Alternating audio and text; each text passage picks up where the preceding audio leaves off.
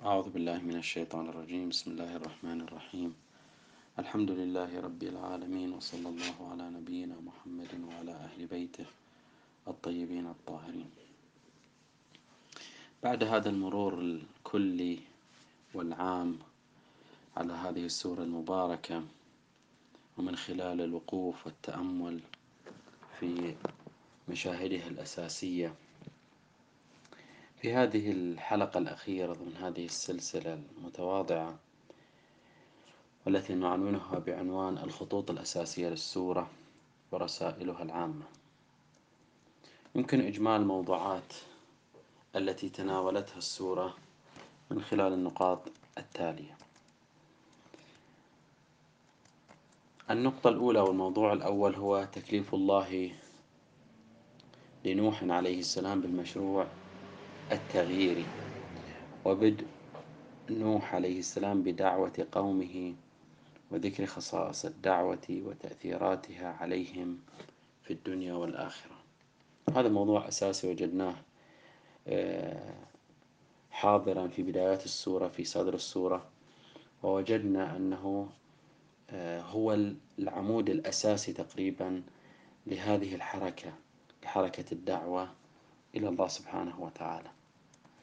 الموضوع الآخر الذي تعرضت له السورة هو رفض القوم لدعوة نوح بكل ما فيها من مبادئ وما حوتها هذه الدعوة من آثار إيجابية ودفع أمور وآثار سلبية.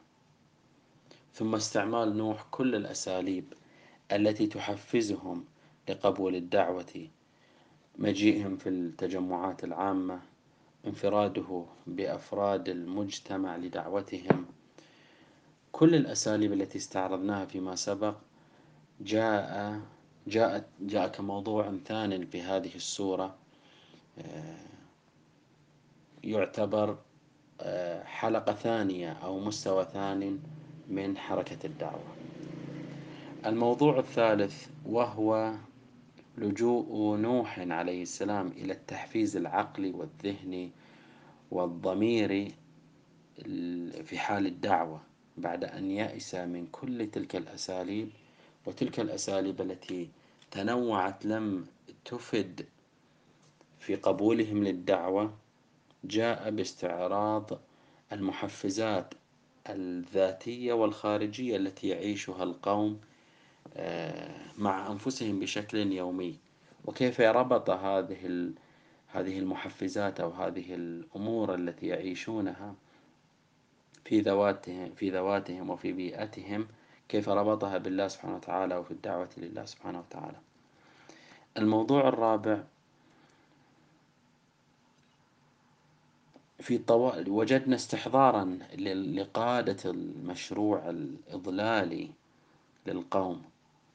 فطوال هذه الحركة الإلهية وطوال هذه الدعوة كانت هناك مواجهات بين نوح عليه السلام بوصفه قائد المشروع الإلهي وبين أولئك القادة الذين يعملون على عملية الإضلال ويستعملون الأساليب المتنوعة في عملية الإضلال والإحراف عن هذه الدعوة الإلهية. هذا أيضا موضوع أخذ حيزا من السورة. الموضوع الخامس الشكوى. وكيف أن نوحا قد لجأ إلى الشكوى لله سبحانه وتعالى بعد كل ذلك الصراع المديد وكيف أنه في هذه الشكوى استعرض مراحل دعوته وبين لله سبحانه وتعالى ما قام به من جهد وجهاد. وكيف أنه أراد أن يثبت لله وهو العالم سبحانه وتعالى بأنه لم يقصر في دعوته وأنه آه، يمكن أن نعتبر كما قلنا أن هذه الشكوى شيء نوع من بث الهم ومحاولة التخفيف على الداعي.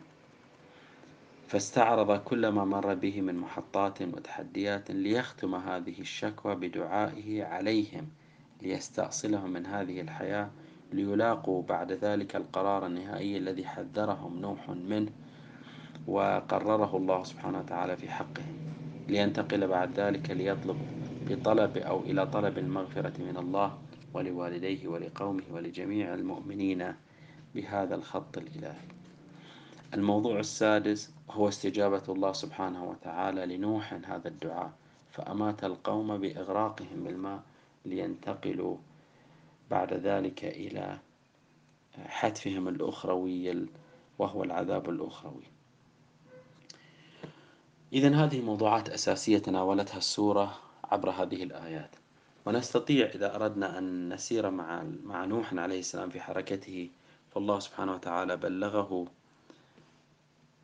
أو اختاره ليكون نذيرا قام هو ببدء الدعوة بين آثار الدعوة الدنيوية والأخروية دعاهم إلى هذه الدعوة واجه صدودا منهم تنوعت أساليبه في الدعوة إلى الله سبحانه وتعالى واجه قادة الضلال وعملية الإحراف التي كانوا يقومون بها.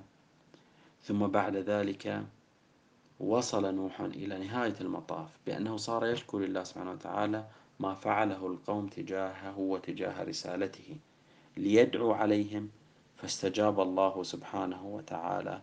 هذا الدعاء عليهم. هذا السير وهذه مراحل الدعوة لله سبحانه وتعالى. هذه أهم الموضوعات التي وجدنا أن الآية أن السورة المباركة قد تناولتها مع تفاصيل كثيرة في البين النقطة الأخرى هي الرسائل التي يمكن أن نستخلصها من هذه السورة المباركة. بالتأكيد هذه السورة كما قلنا فيما سبق أرادت أن تحقق أغراضا أساسية في في استعراض هذه السورة للنبي صلى الله عليه وآله. وقلنا بأن هناك تشابها بين الظروف التي عاشها نوح النبي عليه السلام والظروف التي عاشها رسول الله صلى الله عليه وآله. وقلنا في الجلسات الأولى بأن هناك رسالتان أساسيتان أرادت السورة أن توصلها آه، عبر هذه القصة. الأولى تحذير المجتمع المكي نتيجة للنتيجة التي تنتظره فيما لو استمر في استكباره تجاه الدعوة.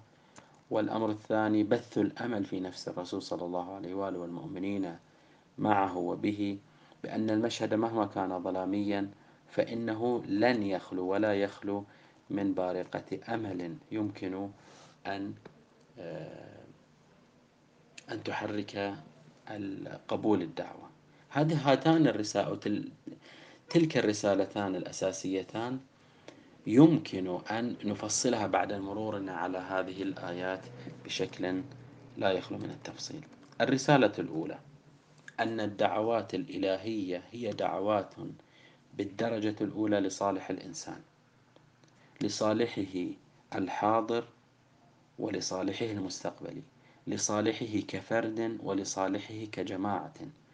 وأن تمرد الإنسان على هذه الدعوة والدعوات والرسا والرسالات الإلهية هو تدمير لواقعه الدنيوي ومستقبله الأخروي. الله سبحانه وتعالى غير محتاج لهذه الدعوة. هو يدعوهم من أجلهم من أجل نفس الإنسان ومن أجل نفس البشرية. فإذا رفضوه رفضوا هذه الدعوة وهذه الرسالة فهو رفض لتلك الآثار المترتبة على هذه الدعوة وجلب لتلك لتلك السلبيات لترك هذه الدعوة. هذه رسالة أولى وأساسية في السورة. الرسالة الثانية التي يمكن أيضا أن نستخلصها أن تعدد الأساليب في أي مشروع أمر ضروري. يعني لابد للتغيير والداعي إلى الله أن يستعمل كل الأساليب المشروعة للجذب لدعوته. بملاحظة البيئة والأشخاص والظروف والطبقة المستهدفة في دعوته. إذا تعدد الأساليب هو ليس من مضمون الرسالة. التعدد الأساليب هو طريق لقبول هذه الرسالة. إذا يستعمل أسلوب التغييري يستعمل الأسلوب الأول فإذا لم ينجح استعمل أسلوبا ثانيا استعمل أسلوبا ثالث وهكذا ينوع في الأساليب بحسب الأهداف المرحلية التي يريد أن ينجزها. وهذا ما وجدناه واضحا وبارزا في حركة نبي الله نوح عليه السلام. الرسالة الثالثة لا ينبغي للتغيير أن ييأس من عملية الدعوة. وليبقي الأمل آه، حاضرا في ضميره لأن هذا الأمل هو الذي يشكل وقود حركته.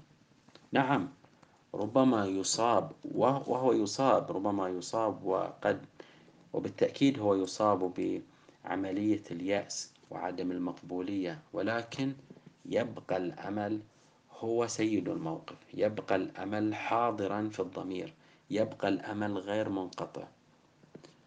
هو نفس مبادئ مبادئ آه، رسالته ودعوته القيم التي يحملها تجاه دعوته إيمانه بهذه الدعوة. هو المحفز الأساسي والأول له في هذه الحركة. نعم قد يصاب الإنسان بيأس وإحباط نفسي فليبقي الأمل العقلي. وقد يصاب بالأمل بل باليأس العقلي فليبقي. أمله النفسي كما يعبر بعض أساتذتنا. ما المراد من الأمل العقلي واليأس النفسي والعكس؟ الأمل العقلي أن الإنسان قد قد تكون نفسه وروحه يائسة. لا يجد أي مخرج أي لا يجد أي مخرج لا يجد أي حركة لا يجد أي سبب يمكن أن يحرك هذه الدعوة ولكن ليبقى الأمل في عقله ليبحث ذهنيا وعقليا عن زاوية يمكن أن تحرك المشروع. ليبحث في ذهنه عن أسلوب ربما غفل عنه. كذلك العكس قد يصاب الإنسان في عقله بيأس وإحباط فيبحث كل الأساليب يجدها أنها قد استنفذت قدرتها. لكن ليبقي أملا في نفسه أن هذا الأمل أن هناك تغييرا قد يحصل هناك نقطة غفلت عنها قد تتحول قد يباغته الله سبحانه وتعالى بزاوية ونافذة صغيرة تحدث كل ذلك التغيير. إذا لابد أن يؤرجح آه، شخصيته بين الأمل الأمل النفسي والأمل العقلي. وأنه إذا سيطر الأمل اليأس العقلي فليبقى الأمل النفسي وهكذا. إذا مسألة إبقاء الأمل وعدم الانهزام هذا عنصر أساسي. ووجدنا هذا حاضرا بقوة جدا في شخصية نوح عليه السلام. دعا قومه على كل المستويات. في طول هذا الخط المتمادي في التاريخ وجدناه لم ييأس استعمل كل الأساليب. بعد نوح يعني حقق لنا أو ألقى علينا الحجة. هل سنصبر في حركتنا وتغييراتنا ومشاريعنا كما صبر نوح عليه السلام؟ الرسالة الرابعة أن واحدة من المحطات التي لا بد أن يلاحظها التغييري هو الاتصال الدائم بالله سبحانه وتعالى. التغييري جاء مستندا إلى قوة أساسية هي قوة الله سبحانه وتعالى هي مشروعية الله سبحانه وتعالى. ليبقى على تواصل دائم معه. مهما أصيب من إحباط مهما أصيب من من آه، فشل مهما أصيب من تراجع في العمل ليتصل بالله سبحانه وتعالى. وكما أنه كلما حقق انتصارا كلما حقق إنجازا يتصل بالله سبحانه وتعالى. إذا جاء نصر الله والفتح ورأيت الناس يدخلون في دين الله أفواجا فسبح بحمد ربك. حقق النصر فسبح اتصل بالله سبحانه وتعالى وتواصل بالله مع الله سبحانه وتعالى شكرا أو توكلا أو بثا لهمومك وغير ذلك. الهموم تتراكم على العامل وعلى التغييري طيلة هذا هذه المسيرة. التراكمات تتجمع في نفسه فليبقي تواصلا مع الله سبحانه وتعالى. كما أن هناك نقطة أساسية. لا ينبغي للتغيير وللعامل أن ينشغل بالعمل عن دوام الاتصال بالله سبحانه وتعالى. لأن دوام الاتصال بالله هو دوام للعمل.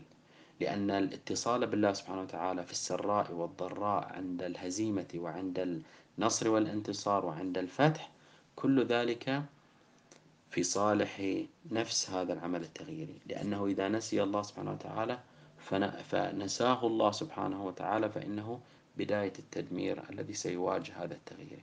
إذا التواصل والاتصال بالله سبحانه وتعالى في كل الظروف موضوع مهم جدا بالنسبة للتغيير.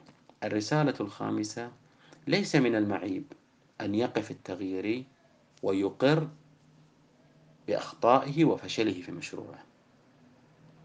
لا بد له أن يقوم بعملية تقييم بعملية رصد ليصل بالنهاية إلى يعني نقاط القوة ونقاط الضعف.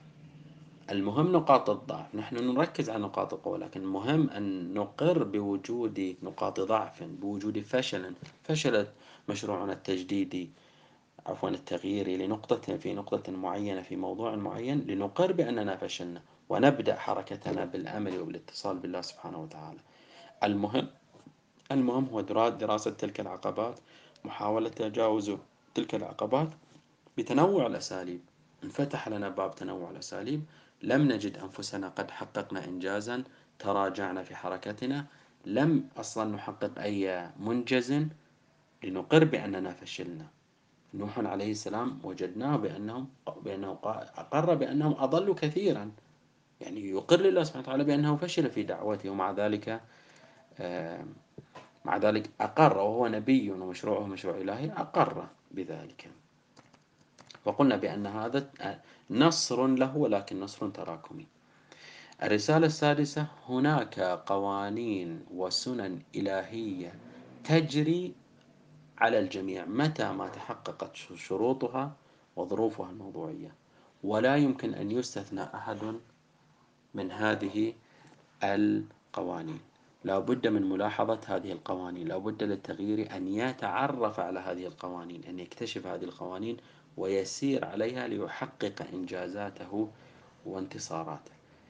معرفة القوانين العمل وفق هذه القوانين الإيجابية وتجنب القوانين السلبية التي هي آه، سبب في تراجعه وفشله. الرسالة السابعة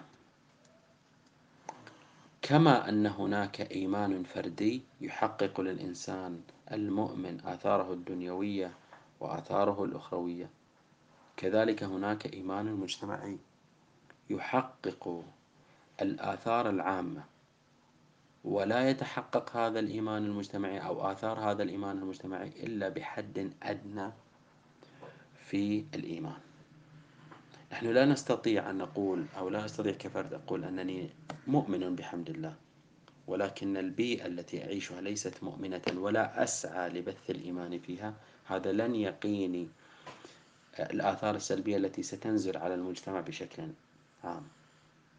ولنا في قصة أصحاب السبت عبرة. فأصحاب السبت هناك يعني تحدث المفسرون طويلا أن أصحاب السبت كانوا قسم منهم كانوا يعلمون بأن هؤلاء أخطأوا ولكن لأنهم لم يمارسوا عملا إيجابيا لم يسعوا لتحقيق إيمان مجتمعي فإن هذه الآثار قد شملت الجميع باستثناء فرقة واحدة هي الفرقة التي أمرت بالمعروف ونهت عن المنكر هي خرجت وأخرجها الله سبحانه وتعالى. إذا الإيمان الفردي يقيني من الآثار السلبية لكنه لا يقيني من الآثار السلبية على على الانحراف الجماعي والمجتمعي. ولذلك وجدنا نوح قد دعا قومه دعا قومه بإيمان شامل لكل المؤمنين لكل أب... لكل أطياف المجتمع حتى تتحقق تلك الآثار وتنتفي تلك السلبيات. النقطة الثامنة والرسالة الثامنة أن واحدة من صفات التغييرية الأساسية هي شعوره بالمسؤولية تجاه دعوته تجاه دعوته في حاضرها فيحاول أن يقيها من أي تراجع من أي تفلش هذا جهة ويشعر بالمسؤولية تجاه مستقبل الدعوة فيحاول أن يؤمن آه، لمستقبل آه، دعوته المستقبل الذي يضمن له دوامها واستمرارها وتوسعها. هذه نقطة أساسية جدا في في العمل التغييري. لا أكون أنانيا فقط أعمل لتحقيق تغيير في وسطي أنا. ما بعد ما بعدي لا شأن لي بهم. وجدنا أن نوحا عليه السلام كان مسكونا بهذا الهاجس. هاجس مستقبل الدعوة هاجس آه، نتيجة الدعوة النهائية وغير ذلك. النقطة التاسعة والرسالة التاسعة والأخيرة هي أن من الحلول التي قد يلجأ إليها المشروع التغييري هي الحلول السلبية. هذه الحلول السلبية تحاول أن تؤطر وتجعل آه، المشروع المضاد السلبي مشروعا محدودا لا يدخل إلى داخل وينخر في داخل المشروع التغييري أو المشروع الإيجابي أو المجتمع الإيماني. هذا هذا الحل السلبي ليس حلا مرفوضا.